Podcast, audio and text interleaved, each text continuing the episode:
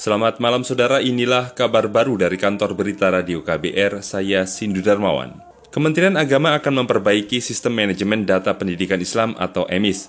Perbaikan ini sekaligus merespons temuan Lembaga Pemantau Korupsi ICW terkait dugaan penyelewengan dana bantuan operasional pendidikan BOP untuk pesantren di masa pandemi COVID-19.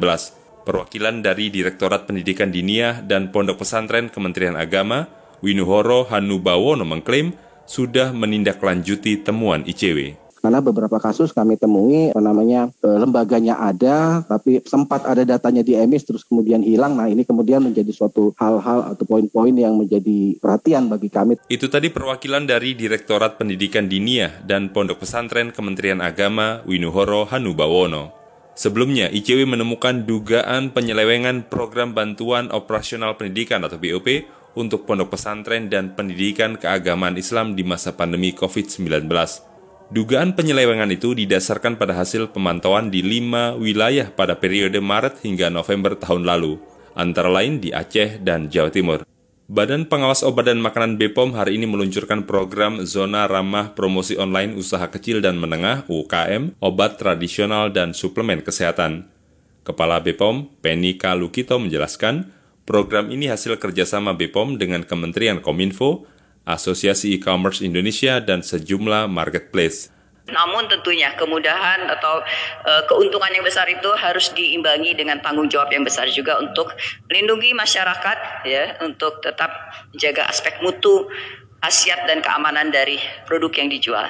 Kepala BPOM Penny Kalukito mengungkapkan saat ini masyarakat cenderung menyukai jual beli obat tradisional dan suplemen kesehatan di platform e-commerce. Alasannya karena relatif lebih mudah dan murah. Namun menurutnya tidak semua pedagang obat tradisional dan suplemen kesehatan di e-commerce punya kredibilitas. Saudara, limbah puntung rokok bisa masuk ke dalam tubuh manusia dalam proses waktu yang lama. Peneliti dari Lembaga Konservasi Ekologi Ekoton, Clara Budiarti menjelaskan, limbah puntung rokok terbukti sangat sulit hancur. Satu puntung rokok diperkirakan baru bisa terurai sesudah 30 tahun. Selang waktu itu, limbah puntung rokok yang mencemari lingkungan bisa menghasilkan mikroplastik dan berpotensi masuk ke tubuh manusia. Merujuk hasil penelitian tahun lalu di Spanyol, mengungkapkan satu filter rokok bisa menghasilkan 15.600 helai fiber Penelitian juga membuktikan sebagian besar limbah puntung rokok tidak tertangani dan mencemari lingkungan. Akibatnya, satu limbah puntung rokok bisa melepaskan 100 partikel mikrofiber per hari. Mikrofiber inilah yang berpotensi terkonsumsi dengan berbagai cara ke dalam tubuh manusia. Salah satu dampak mengonsumsi mikrofiber dalam jumlah dan jangka waktu tertentu adalah munculnya penyakit kanker dan kanker serviks.